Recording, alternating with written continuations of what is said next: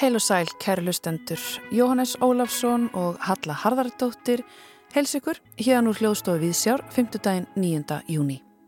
Það er heilmart í þætti dagsins. Arkitektúr, Kaja Sarjahó, Sumarblóm og Heimsins grjót, Sýningastjórnun og Íslensk menning í Amsterdam.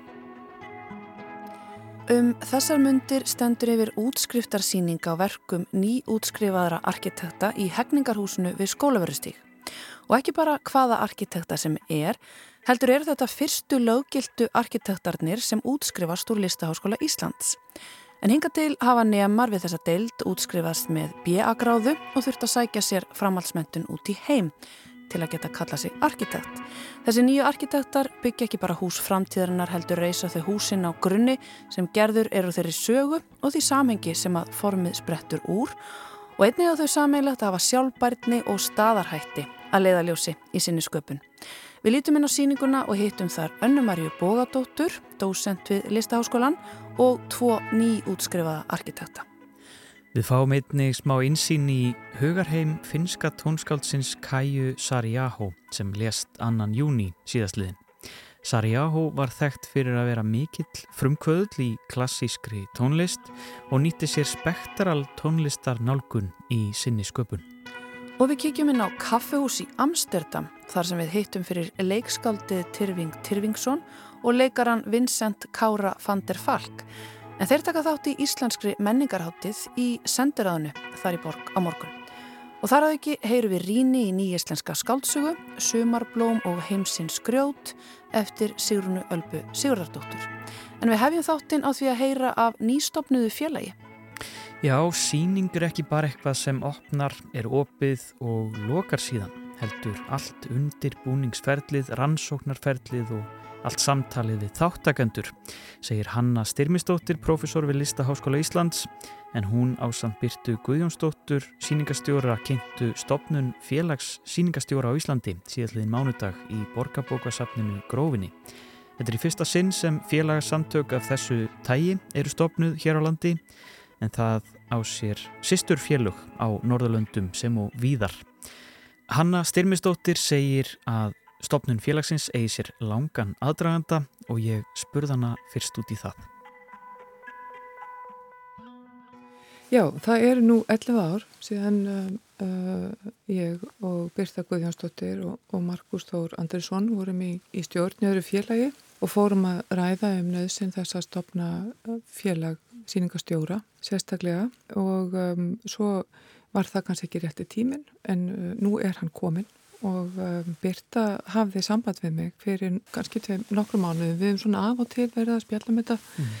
í gegnum tíðina og þá var einhvern veginn sko voru við komin á það stað að uh, allt í kringum okkur á Norðurlöndunum og Eistræsalt ríkjunum og þetta miklu víðar en við erum sérstaklega að, að, að tauga þessu samingi núna mm. þá hafa verið stopnið á síðust árum uh, sambærlega félagsamtök uh, síningastjóra sérstaklega ekki listfræðinga eða eða safræðinga heldur, heldur síningastjóra uh, sérstaklega, fólk sem fæst við síningagerð og síningafræði mm.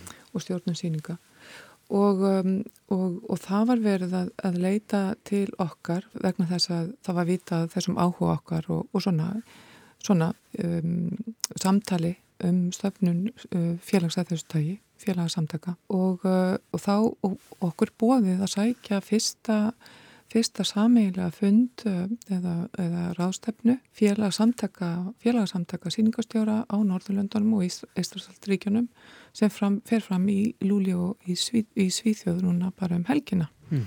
og Birta Guðjónsdóttir er einmitt á leiðinni þangað.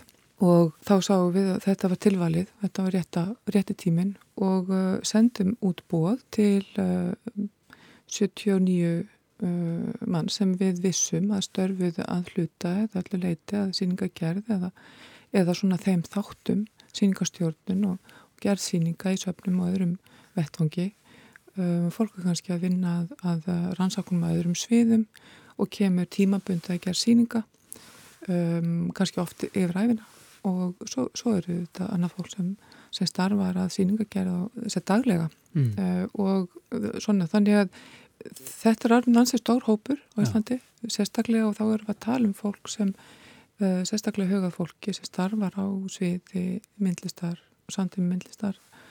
Og við sendum þessi bóð og, það, og heldum stoppfund í borgarbókusafninu í, í grófinni á mánudag. Mm. og þángað mættu tæplega 30 og um 20 aðrir uh, staðfestu við okkur þann dag að uh, þau óskuð eftir að vera stopn félagar þó þau kæmist ekki, gætu ekki vegna fjárveru mm. svott fundin. Þannig að þetta er um, um réttum eða yfir 50 manns sem koma að uh, stopnun þessa félags og við erum bara að vinna úr uh, þeim gögnum mjög skemmtilegum, líflegum, gaglegum og mikilvægum samræðum sem áttur sér stað á, á stopfundunum til þess að ljúka uh, skráningu, ljúka gerð samþykta félagsins og skráningu sem við minnum mm. að standa að því uh, ljúka í sömar og, og stefnum síðan á aðal, fyrsta aðalfund félagsins bara núna strax í Setteberg og, og þessi, þessi hópur sem starfar á þessu vettvangi á Íslandi er orðin svo fjölbreyttur að, að sko hagsmunna þessu hóps verður ekki gætt engungu í hjá samtökum myndlistamanna eða samtökum fræðamanna mm.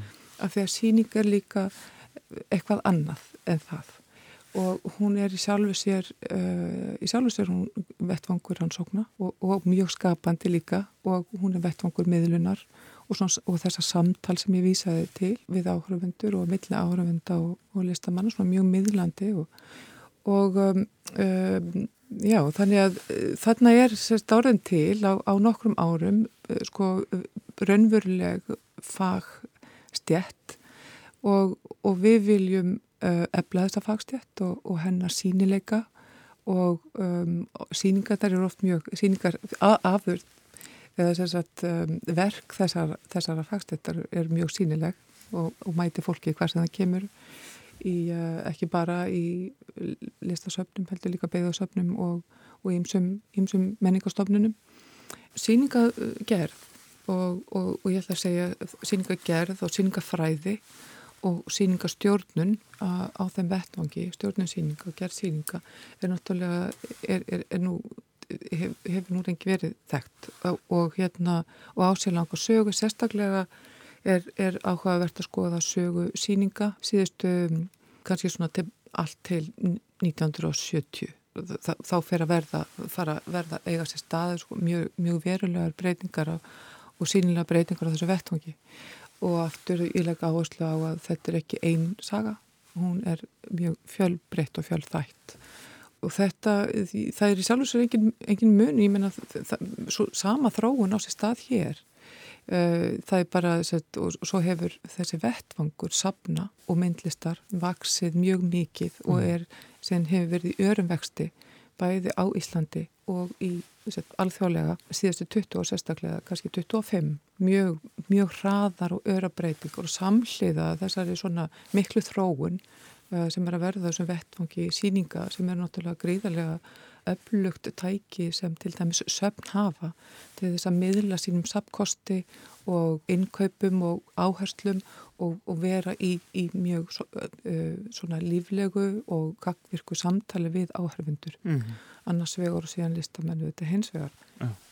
Og eru sko eru síningastjórar einhvern veginn þú tala um svona þróun í þessu og, og þeir eru þetta mörg og, og þeir eru svona að taka svolítið utanum þetta eru söfnin þá átt að segja á mikilvæg síningastjóra eða er bara eru síningastjórar bara orðnir mentari og, og það, það er bara þörf fyrir aukin sínileika eða svona veist, að, að því séu meira áberandi í starfi safnana? Já, ég held að hvort vekja sér rétt og, og þetta er mjög eðlileg þróun og það er alltaf mjög eðlilegt þegar um, fólk hefur náttúrulega verið að leita sér uh, mentunar á söðu síningagerðar og stjórnunar uh, erlendis í langa tíma. Og um, og, uh, og, og nú hafa, hafa þessi, er, er mögulegt að sækja þessi, þetta háskólanám á Íslandi. Og auðvitað er það eðlilegt þegar við, þegar, þegar hérna, samfélagið verður að bregðast því ég bóður upp á uh, að sérhafa sig í á einhverju fagsviði þá verður auðvitað starfsvettvangurinn að halda í við það þróun. Mm. Mér finnst það mjög öðurlegt. Þetta, þetta á saman, þetta á mm. samleið heldur vend. Um, og um, já, og ég held að þetta sé líka, eða ég, ég held ekki, ég, ég veit að þetta er líka í, í, í, í mjög, sko, eð, eð, í sama farvegi, mjög sambarleg þróun og er að eiga sér stað og hefur átt sér stað. Um, á alþjóðlegum vettfangi myndlistar sérstaklega, við erum svolítið að tala um síningagerð á fórsöndu myndlistar sem getur samt verið gagnast á öðrum sviðum listar líka og, og, og þærfálega og, og það er bara þessi, þessi uppkvötun að, að hvað, hvað síningin er fjölþætt form mm.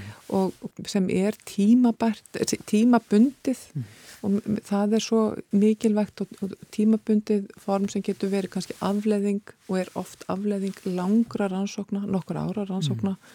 uh, síningi getur sjálf líka verið vettvangur rannsókna, hún getur verið sagt, fókusun er þá kannski á, á, á ferlið og, og síningur, ég hef tilneiku til þess að uh, líta ekki á síningu sem bara það fyrirbæri sem opnar og er opið og lokar síðan, mm. þetta er allt, allt undirbúnusferðlið, allt rannsóknarferðlið, allt samtalsferðlið við alla þáttangundur við listamenn og, og hérna og alla sem svona koma þá, þá sérfræðingar sem koma því að undirbúningi síningar mm. og rannsókna til dæmis þegar er að uh, rannsaka sapnegnir og, og, og lista, lista sögun eins og eins og hún hefur verið skrásett í okkar samfélagi.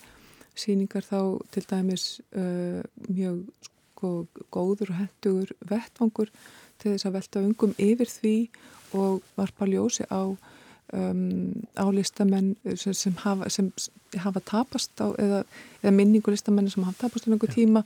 Og er og, og, svo, og svo er þetta samtal við áhörvendur og, og neginn, sko, heldur síðan úrvennsla þekkingarinnar sem skapast á vettvangi síningarinnar áfram.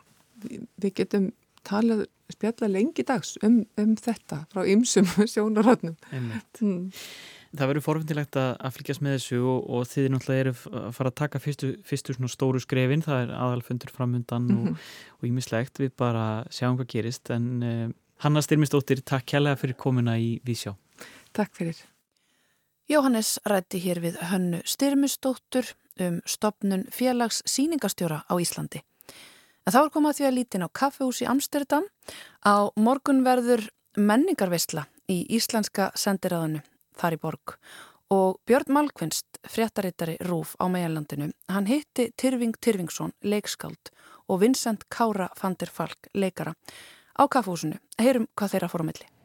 Við ætlum að uh, hafa samleistur. Mm -hmm. uh, eftir verkið Tyrfingur, Tyrfingsons. Mm -hmm. Við ætlum að lesa senur frá Kartöfleæturnar og frá Helgi Þór Rófnar og síðan hafa bara smá spjall.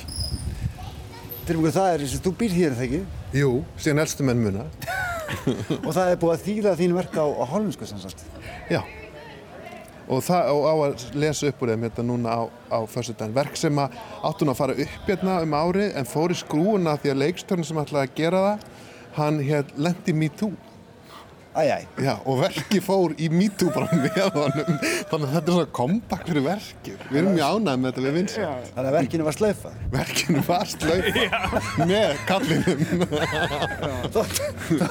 Þetta verkið, þetta er ynga sök á þessu? Já, ynga. Nei, ekkert að gera. Vins að þú, þú ert leikari hér í Hollanda, ekki? Já, já, með mitt. Hvað hefur þið gert hérna?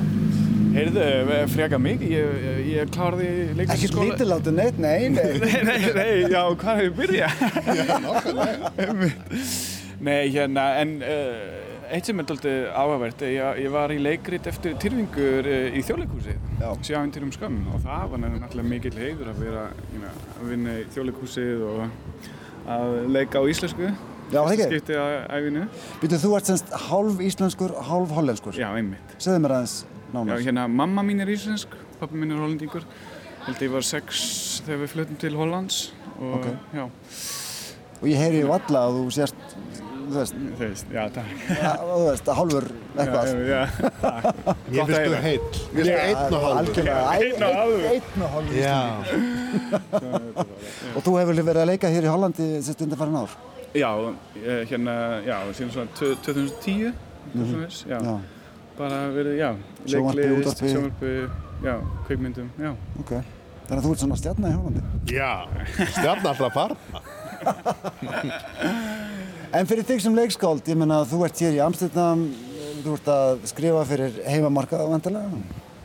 Já, um, já og, og, og það er svolítið gott sko að vera, veist, það er svo gott að vera ekki partur af, að tilhera ekki. Það er svo gott að vera útlendingur sko. Það er maður, maður verið svo skýr af því. Þú, þú, ert, þú ert útlendingur í Hollandi. Já.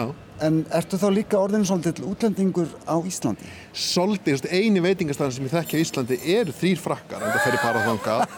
En svolítið, það er alltaf eitthvað nýtt, þú veist. Nákvæmlega. Maður kemur heim og það er bara, vá, það er búið að byggja þetta og það er búið að opna þetta og búið að loka og þessu. Og loka, það er aðalega það sem fer fyrir brjóstanum, þegar það verður að loka fínum stöðum. Já. eins og kaffi blöð. Akkur það að loka kaffi blöð? Hvaðlega? Hvað áttu það því að? Og stjörnutorg. Mér var bara, mér varst það fínt. Fínt nafn, svona eins og nafn okkur um omma bara. Þetta átti að vera svo menningalegt viðtal. Skemma. Um stjörnutorg. Vilsens, hvað, hvað fýlar þú við, við Ísland? Hvað fýla ég við? Já, bara mikið. Mér finnst rosalega gott að vera á Íslandi. Þetta var uh, náttúrulega fyrsta skiptið að vera aðeins lengri fyrir sex mánu. Mánu. Já. Og mér fannst bara, já, orkan þar mjög já, sérstak og mjög fallega eiginlega. Mikill munur á því að vera hér og, og þar? Já, já, já. Þetta er náttúrulega annan heimur. Það er eitthvað við Ísland sem er rosalega spennandi. Mm. Hérna, það er náttúrulega, Amsterdam er frekar stórt, þú veist, og mm. það er náttúrulega líka munur, en, mm. en já, mér finnst það rosalega gott að vera á Íslandi. Og þér er gott að vera í Amsterdam? Já. Og gaman að geta að sé Vincent á sviði. Erum við að sjá hann á lögatægin? Er það ekki? Jú. Í hvaða verki? Í, já, hvað maður... Já, The Making of Solos the Musical, Akkurat, já. Um, um hóp sem er að reyna að búa til uh, söngleikum George Soros, hérna, milljarnamanningin. Okay. Þetta er frábær síning. Ok. Já, ég fann að sjá hann aftur. Áhugavert. Já. En á fyrstaðin ætlið að vera hér í þessu pop-up sendiráði með verk eftir þig? Já, tvö. Lesa senur upp úr þessum tveimur verkum með alveg frábæri leikurum. Já. En það verður bara gaman. Á, á Hollandsko svo. Já, á Hollandsko, já, já, já. Já, þetta verður gaman. Strákar, gaman að hitta ykkur og gangi ykkur vel. Takk, semulegis. Já, við litum hér inn á kaffihús í Amsterdam með Byrni Malmqvist sem rætti við þá Tyrfing Tyrfingsson leikskáld og Vincent Kára van der Falk leikara. Gaman að heyra hvað þeir er að sísla og það verður gaman að sjá hvað Tyrfingur býður okkur upp á næst á fjölum leikúsuna hérna heima. En frá Hollandi þá höldum við yfir til Finnlands. Finnska tónskaldið Kaja Sarjaho lést annan júni síðastlegin. Kaja var frumkvöðl á sínu sviði og skilur eftir sig aragrúa af tónsmiðum sem spanna allt frá hefðbundnari kamertónlist og til úthugsaðra tölvugreindra verka sem samina óramagnaða og ramagna tónlist. Við heyrum nú einslag sem að unni var af danska ríkisútvarpinu en er hér flutt fyrir tilstilli samstarfs við EBU, samband Evrópskra útastöða. Telma Hrönn Sigurdorsdóttir þýtti þáttinn og tekur nú við.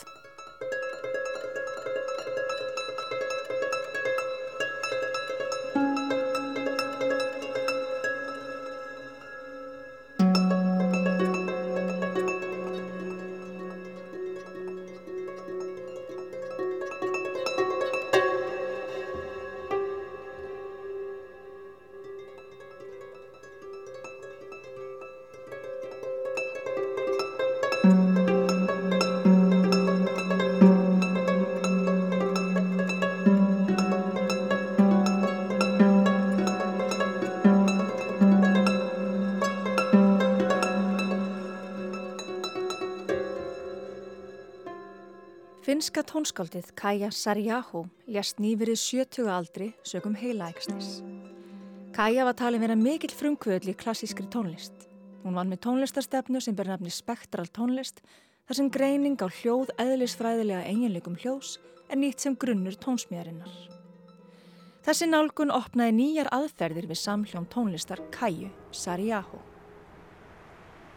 I det mørklagte børneværelse ligger Kaja i sin seng og kigger op på malerierne på væggene. Hver aften viser der sig noget nyt. Í myrkviðu herbergi leggur Kaja og horfur upp á málverkin á veggjónu. Á hverju kvöldi reynir hún að tólka abstrakt formin í tungsljósinu. Hver einasti veggur í húsi foreldra hennar er nánast þakin málverkum. Kaja hefur hins vegar meiri áhuga á tónlist. Hún heyrir hann í höfðinu, sérstaklega á þessum tíma dags, þegar hún liggur í rúmi sín á kvöldin og reynir að sopna. Stundum eru melodíunar svo raunverulegar að hún fyrir að leita hvaðan hljóðin koma, undir kottanum eða jafnvel undir rúminu. En hún finnur ekkert. Hun kalder på sin mor og ber hende om at slukke musikken, der spiller. Men moren kigger uforstående på hende. Hún hrópar á móður sína og byður hann um að slökka á tónlistinni. En móður hennar starir á hann skilningslaus. Indre øre.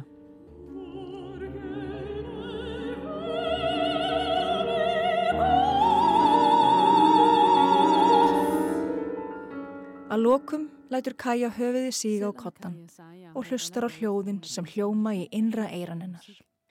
Þrátt fyrir að Kaja, Sari Jahó, hafi verið gagtekinn á tónlist frá unga aldri, er tónlistin samhliða sjónrænum áhrifum frá listaverkarsafni fóreldra hennar. Sjónræni og músikalski heimurinn er mér sem einn. Ími skilningavitt, litir, áferð og nótur, jafnvel lykt og hljóð. Allt blandast saman í huga mínum. Þannig lýsir Kaja upplifin sinni af tónlist. Sari Jahó var mikils metin af kollegu sínum og var meðal annars kosin besta núlifandi tónskáldið í skoðanakönnun á vegum BBC Music Magazine árið 2019. Hún hafði þá þegar unni Grammy-verlun, Pólar tónlistaverlun og Sonning tónlistaverlun síðastlinn tíu ár. En hvernig hljómar þessi rómaða tónlist Kaju Sari Jahó?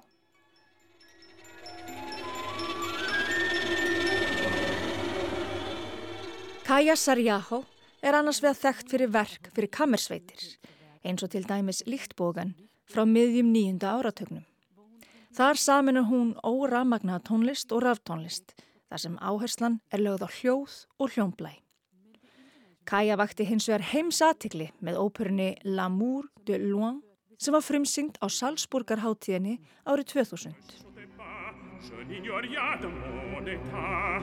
Les médecins peuvent mentir pour rassurer le mourant. Mais au quai du cœur ne monte pas. Á eftir henni fylgja óperurnar Adrian Mater og Emily. Teksti þessara þryggja ópera er eftir fransk-líbanskan rithöfundin Amin Malouf. Þau unnu einni saman að oratóriunni Le Passion de Simon fyrir sópran, kór, hljónsveit og rafhljóðfari.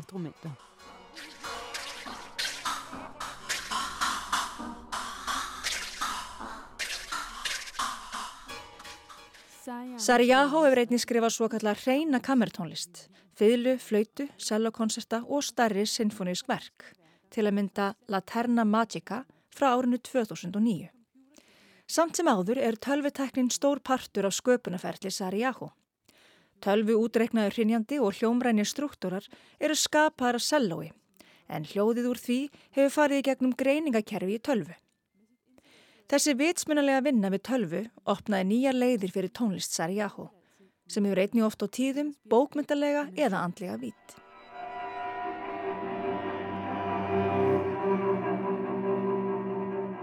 Frá unga aldri leitt Kaja upp til og bar sér sama við kvennriðtöfunda eins og Edith Sötegrann Virginíu Wulf og Silvíu Plath. Hún vildi komast að því hvernig kvenkinsriðtöndar og listamenn unnu skapandi verksing, en fann engar fyrirmyndir í tónlistarheiminum. Kaja Sarjahó ólst upp í Helsingi, þar sem fjölskyldufyrirtækið ógs úr litlum málmverkstæði í verksmiðju. Fóreldra hennar höfðu áhuga menningu og sérstaklega alþjóðlegri nútímalist. Myndlist vakti áhuga kæju og teikningar eitt af hennar stóru áhuga málum utan tónlistar. Hún gerir sína fyrstu tilraun í tónsmjöðum tíu ára gömul en byrja ekki að semja tónlist reglulega fyrir en sjö árum síðar. Á yngri fullorins árum prófaði Sarjahó ímis form af listmöntun. Hún meðal annars kannaði slóðir grafíska hönnunar í lista og hönnunarskóla. En erðaleysi tröflaði Sarjahó. Hún var heldtegin af óta við að eigða deginum í óþarfa. Fljótlega áttaði sig hún á því að hún erði að semja. Það var það eina senga lífinu hennar einhverja merkingu. Hún flutti til Parísar til að vera færari í tölvutækni og þar heitlaðist hún af því hvernig frakkar taka skilningavitin mjög alvarlega. Minstir á ný Ilmött, Chanel í fréttum og öllum hátíjarhöldum fylgir kampavín. Þetta myndaði frelsandi anstæði við formfestu barnaskunnar. Þar sem slíkt hólifi var talin sem hálgjör synd.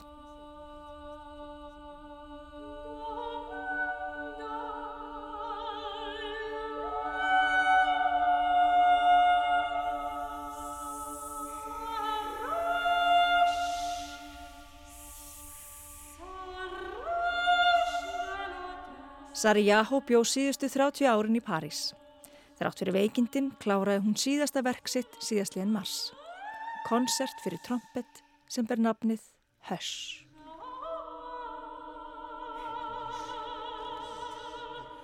Kaja Sariyaho, tónskáld, lést annan júni 2023. Við kveðjum ykkur með verkinu Nuit Adieu eða Næturkveðja flutt af Kammerkór Fílharmoníu Sveitar Íslands, stjórnandi Pól Hillier.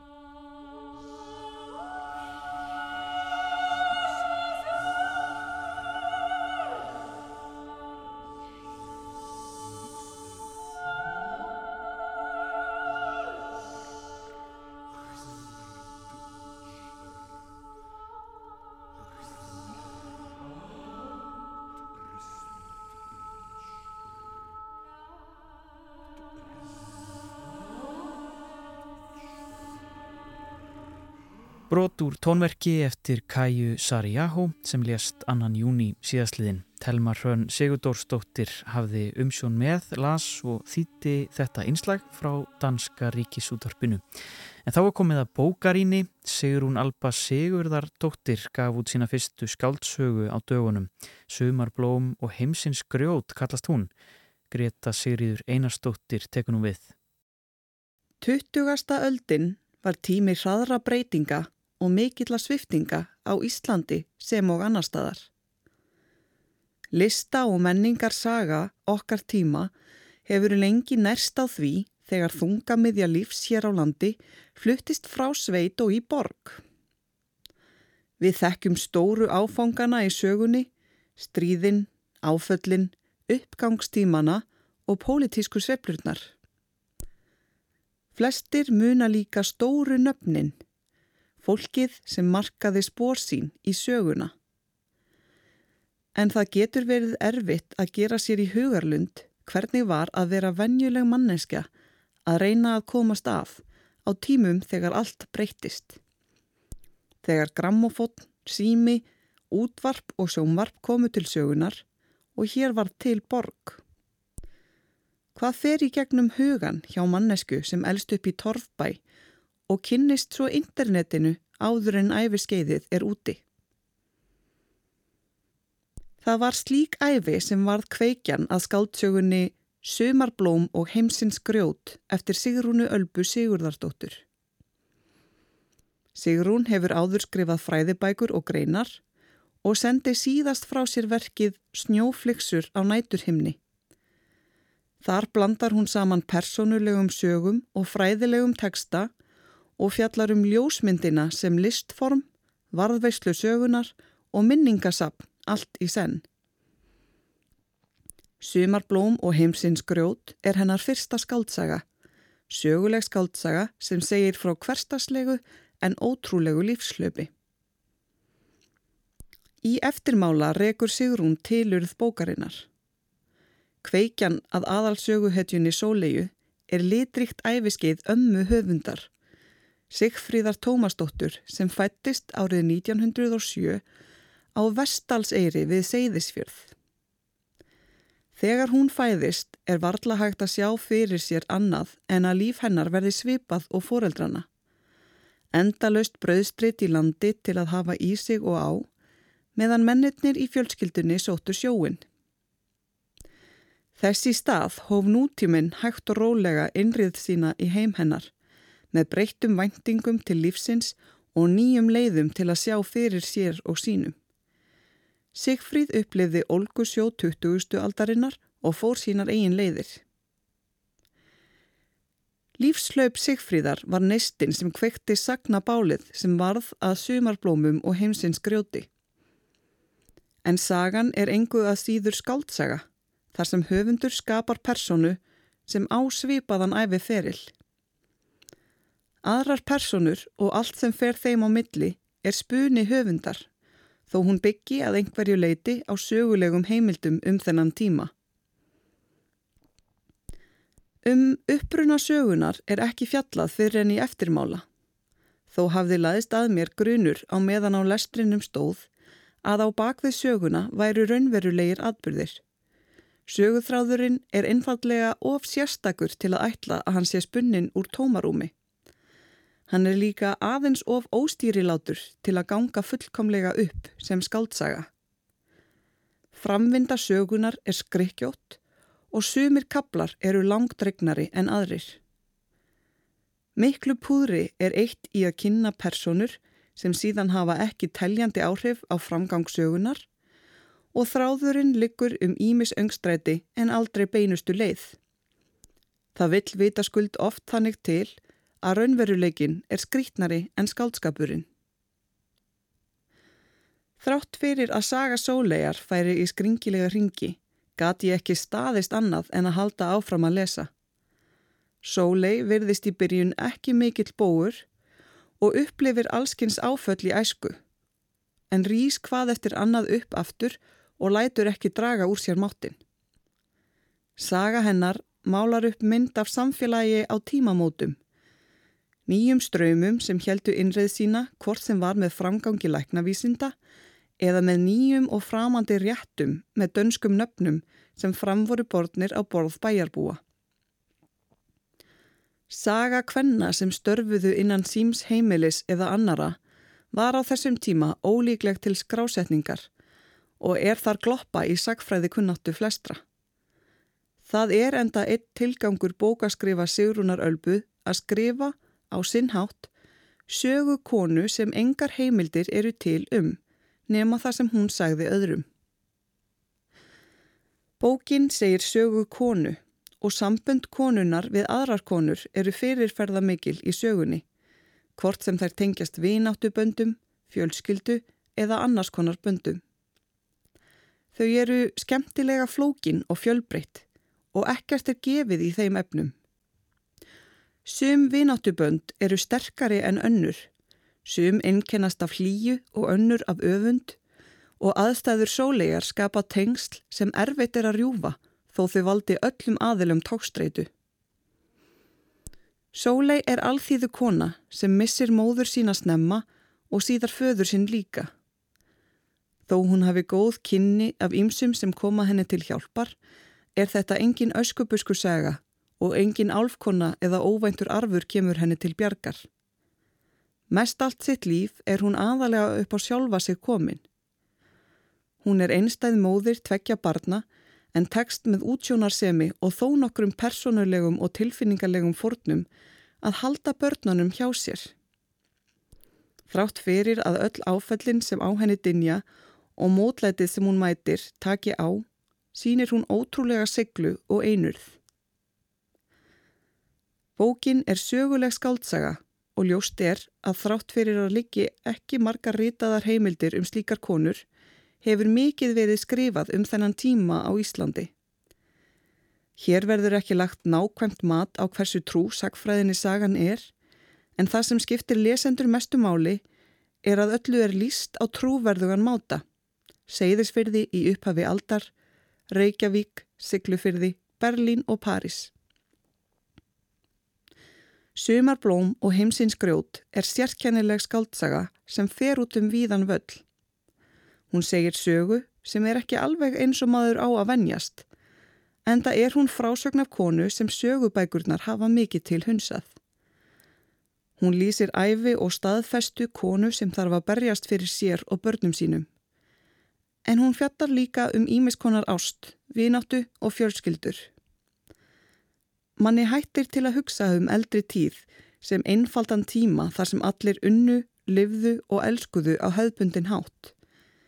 En það gleymist oft að mannfólkið var alveg jafn fjölbreytilegt þá og nú. Greta Sigriður Einarstóttir rýndi hér í nýjótkomna íslenska skáldsögu Sumar blóm og heimsins grjót eftir Sigrunu Ölbu Siguradóttur og úr nýjum skáldsögum höldu við yfir í nýjan arkitektúr. Um þessar mundir stendur yfir útskriftarsýning á verkum nýútskrifaðara arkitekta í hegningarhúsinu við skólaverustík og ekki bara hvaða arkitekta sem er heldur eru þetta fyrstu löggildu arkitektarnir sem útskrifast úr lista Háskóla Íslands. Halla fónir í bæ og hitti þar fyrir önnu Maríu Bogadóttur, dósend í arkitektúr við Listaháskólan og tvo nýja arkitekta. Sæl og blessuð Anna Maria, takk fyrir að koma og hitta með hérna. Takk fyrir, takk fyrir að bjóða mér. Í þessu stór skemmtla húsi, en hvað gaman að sjá þessi verk hér á þessum vekkjum? Já, það er alveg magnað, bæðið náttúrulega að koma inn í þessa byggingu og svo er þetta líka alveg frábært að koma inn á síningu mm. eh, arkitekta, fyrstu, fyrstu nefnda sem útskrifast með fullan ám í arkitektur á Íslandi sem er náttúrulega bara stór og merkur viðbörður sem ber að fagna. Nákvæmlega. Svona að þú útskýrðast fyrir hlustundum hvernig þetta virkar vegna þess að þið hafi verið að kenna arkitektur upp í listáskóla í þó nokkuð tíma en eins og segir þetta eru fyrstu nefnarnir sem að útskrifast sem löggildir arkitektar og þurfa ekki að fara í framhalsnám út. Já, það er búið að kenna arkitektur á Íslandi frá aldamótum um það byrj og fram að því höfðu Íslendingar sótt sér nám í Erlendis. Það er náttúrulega líka mikill þá fjölbreytni okkar praktiserandi arkitekta að höfum dreigið með okkur heim með þekkingu sem við hefum svíðan sett í samhengi á Íslandi og ég orfið við því að búast að einhverjir haldi áfram að sækja sér nám í arkitektúr eh, mhm. Erlendis en það sem er svo mikilvægt fyrir okkur að ná þessu hérna, stígi að vera komin með eh, geta bóðið upp á fullnaðan ám í arkitektur á Íslandi er að við getum þá vel farið að þjálfa nefnendur í að rannsaka og vinna með okkar staðbundna samhengi á Íslandi og byggja upp rannsóknir, orðfar og orðfæri og, og hérna, orðræðu e, í arkitektur sem við hérna, þurfum að byggja upp og, og, og styrkja. Það er sko, arkitektanám er yfirlega 5-6 ára og oft í sumum skólum er bóðið upp á svona heilstætt nám en svona síðara tíma þá hefur oft verið algengt að brjótað upp þannig nefndur geta tekið fyrstu gráðu í einu skóla eins og hefur verið hjá okkur, hérna bachelorgráðu og valið síðan annan skóla til að taka svona sér fullnaðanámið eða meistragráðu en núna gerum við að bjóða upp á bæði þessi stig og fagsamfélag arkitekta er búið að hérna berjast fyrir þessu og vinna að þessu í, ég hef sagt, ára tugi þannig að það er mikil vinna sem er hérna baki, búin að vera margir sem hafa komið að þessari vinnu gegnum tíðina, við vorum komin ansi nála því að hérna fara á stað eh, hérna í, í byrjun aldarinnar. Og svo kom efnahagsrun þannig að þetta tók na, na, na, tíu ári viðbott en þess vegna er þetta bara virkilega hérna, stór og, og merkur áfangi og við erum mjög spennt að sjá þennan svona, já, fagheim arkitekta að vaksa og dafna með skólanum og, og fagumgörfuna. Mm -hmm. Og svo munu nefnar væntalega sækja sér þekkingu út með, í formi skiptináms og svo þetta er hægt að taka móti núna nefnum Erlendis frá, ekki satt?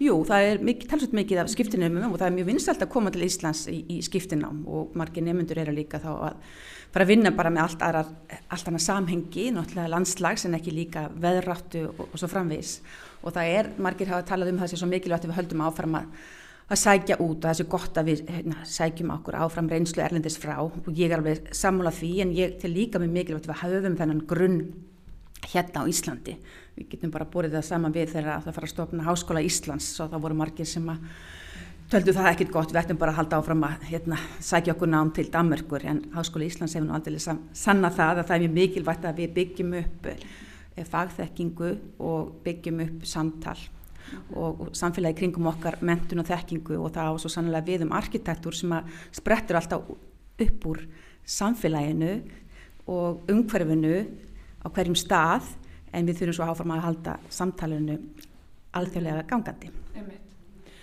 En svona við tölum um það veganesti sem að lístaháskólinn er að gefa þessu fólki og svona þær áherslur sem er til staðar í, í þessu námi og ef við bara svona hugsaum um síninguna hér til dæmis, hvaða svona sameilegu áherslur eru í gangi, hvað, þú veist ég sé að það verið að tala um hér áskoranir framtíðar og að horfa í samfélagslega ábyrð og svo framvegis, getur þú sagt mér svona eins frá því hvað arkitektur er að hugsa í dag? Já, samfélagslega ábyrð er sannlega líkil orð og líka ábyrð gagbart umhverfinu, það er svona umhverfis áherslu sem eru mjög vaksandi og það má segja kannski svona, já, það er margt í svona hefbundnu svona arkitektapraxís og bara byggingar yðnaði sem er að breytast, við erum komið með alþjóðlegar kröfur og við þurfum að fara að breyta mjög mörg og hugsa miklu meira staðbundi, hvernig við getum unnið með staðin, hvernig við getum unnið með staðbundi byggingarefni Og, og þetta líka sérkvöru verkefni þá erum við með kannski ákveðin verkaupa en við erum alltaf við sérkvöru verkefni líka að vinna fyrir samfélagið heilsinni þannig að það er hvernig við já, hvernig við svona nálgumst eh, bæði sérkvært verk og, og það að vera arkitekt bara út frá umhyggju gagvart umhverfinu og, og samfélaginu, ég myndi segja að það sé svona grunnurinn hér í, í, á þessari síningu og kannski líka það sem er grunnurinn í arkitektapraxis í, í dag og á öllum tímum. Þá ætlum ég að virða fyrir mér þessa síningu og grýpa hér tvo nefendur eða tvo arkitekta. Þar það er Katrín Heiðar og Kristín Guðmundsdóttir. Sælar, báða tvær, gaman að hitta á ykkur játna og til hamingi með að vera útskrifaðir arkitektar. Takk kærlega fyrir. Mér langaði bara svona aðeins að spyrja ykkur fyrst að ég er með ykkur hérna. Við getum kannski ekki farið á dýpið í ykkar einstöku verk en við þetta bara hvetjum hlustendur til að koma og skoða þessa síningu.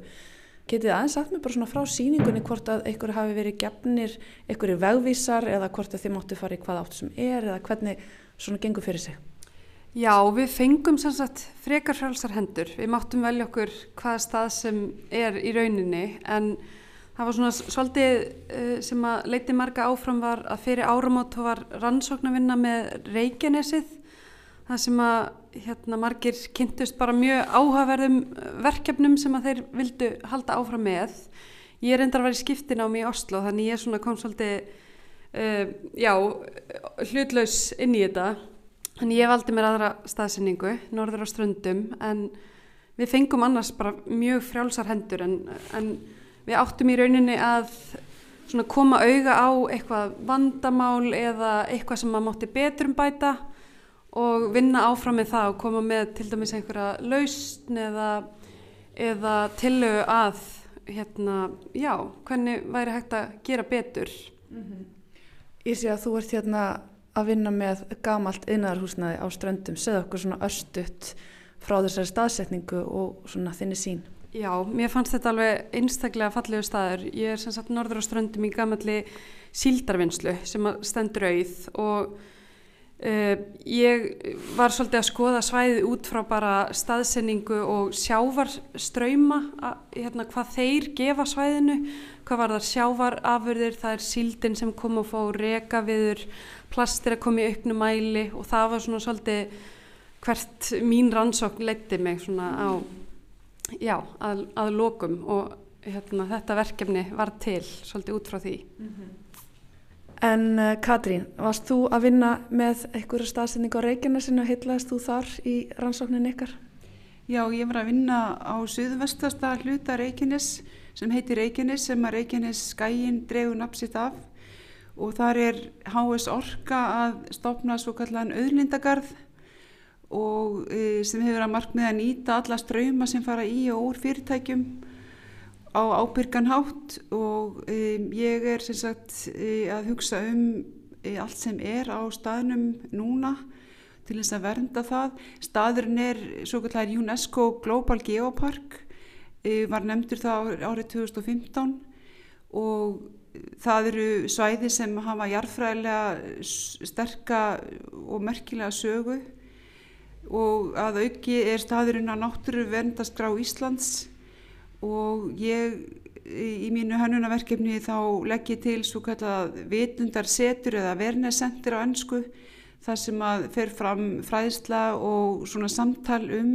allt sem er á staðnum það eru, það eru mörg vistkerfi, það er saga, það eru minjar, náttúra, fugglalíf og svo framvegs. Það heyrist mjög glögt á hérna, þessar stuttu innkynningu ykkar begja að arkitektur í dag snýst ekki bara um að planta þinni hugmyndað húsi eitthvað staða niður, heldur eitthvað miklu fleira. Þeir eru greinlega báðar að hugsa um hérna umhverfið og áskorunir samtímans og framtíðarinnar.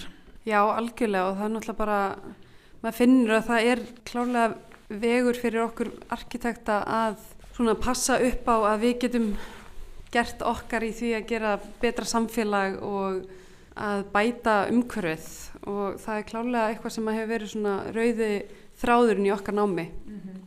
Trúið því að arkitektur sé tæki til að umbylta samfélaginu og gera það betra?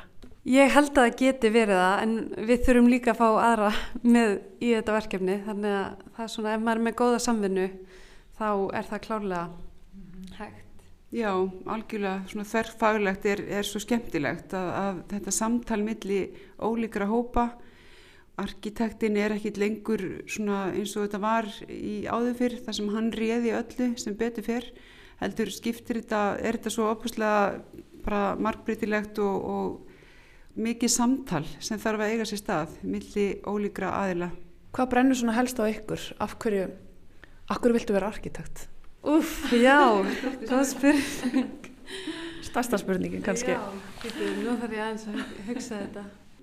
Út frá mér þá, þetta byrjaði kannski á, á meira svona þegar maður var yngri og vildi hérna sá bara veist, falli verkefni og, og gæti ekki ímynda sér að einn daginn geti maður haft áhrif á eitthvað svona en ég held líka núna hefur það breyst mjög mikið mér finnst þetta ótrúlega gaman eftir að maður hefur byrjað að vinna við þetta og verið í skólanum og verið í, að vinna í hóp og einhvern veginn fá ólíkar hérna, rattir og hugmyndir mér finnst þetta alveg einstaklega skemmtilegur vettvangur til þess að bara svona já, ég Ég, ég veit ekki hvort ég geti komið frá mér. Kanski bara móta og hafa áhrif á samfélagi? Já, einmitt. Ekki bara, nú þetta, snýst þetta ekki bara um að byggja nýja byggingar og, og sjá þær ísa, heldur líka, já, hafa áhrif á umhverfið og, og samfélagið okkar. Mér finnst þetta ótrúlega spennandi. Já, okkur náttúrulega, við sem búum á jörðinni, okkur náttúrulega um, líður svo vel eða líður svo miklu betur í, í umhverfið sem að, hérna, hefur svona jákvæð áhrif og arkitektur getur verið skapa þetta líf okkar getur orðið svo miklu betra og, og, og bara samfélagsins alls í -hmm. Að arkitektur er ótrúlega e, sterkur og veginn, getur mótað og, og betur um bætt. Einmitt.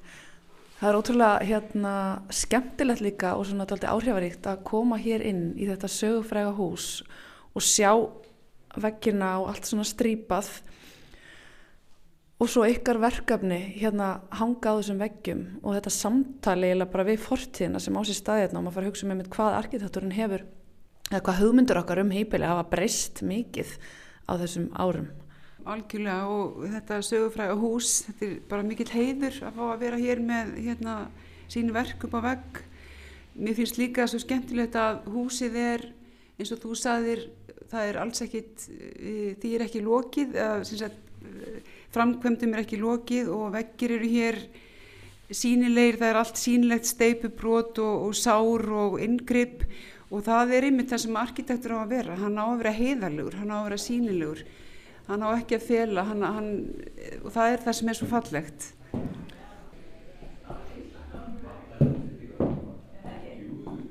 tölvera breytingar sem átt sér stað síðan að þetta hús var reist hér, Anna Maria?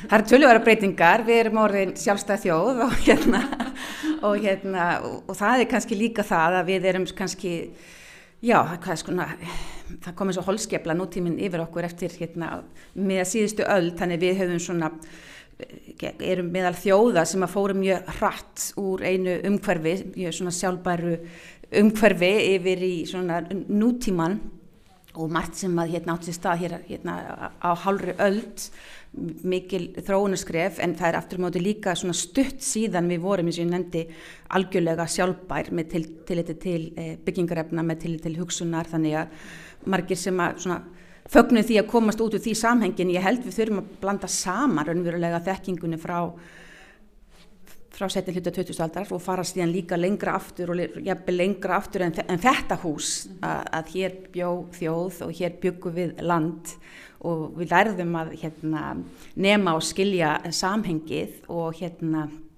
og lifa lífinu á, á sjálfbæran hátt. Þannig að það er eitthvað sem við verðum að halda áfram með til framtíðar. Mm -hmm. Já, einmitt. En, en sko talandu um þetta hús og svona sögu þess, þá verður við líka aðeins að einbrá framtíð þess. Hvað á að gera sérna? Já, framtíðin, það er mjög mikilvægt að horfa þá til, til sko hlutverksins, hlutverks þessa hús og við þurfum að passa það að fara ekki að breyta húsuna að við vitum hvaða tilgangi það á þjóna í framtíðinni, það er svo mikilvægt með í varveislu húsa að hlutverkið sé, já, að virkið vinni með byggingunni, þannig að ég myndi halda að það var bara ráð að fá hér samkeppni, ekki aðeins um breytingun af húsinu, heldur að samkeppni þurfa að felast líka í svo nýju hlutverki byggingarinnar til framtíðar. Því að hlutverk eru auðvitað jafn mikilvægt ef ekki mikilvægara heldur en form. Já og hvernig það fer saman þannig að svona varveislu aðferðafræðin þú þarfst að hérna, skilja bæði hlutverkið sem var eins og hér var náttúrulega fangelsi og skilja þá mælikvarðana og útfærslu húsins á, á, á forsöndum hlutverksins sem var mm -hmm. en svo þurfum við að fara að stíga með bygginguna inn í nýja tíma mm -hmm. og geta þá umbreyttinni á forsöndum nýja hlutverksins. Akkurát. Þurfum við ekki bara að kalla eftir eitthvað svona samkjæfni í hverja höndum er þetta Anna Maria?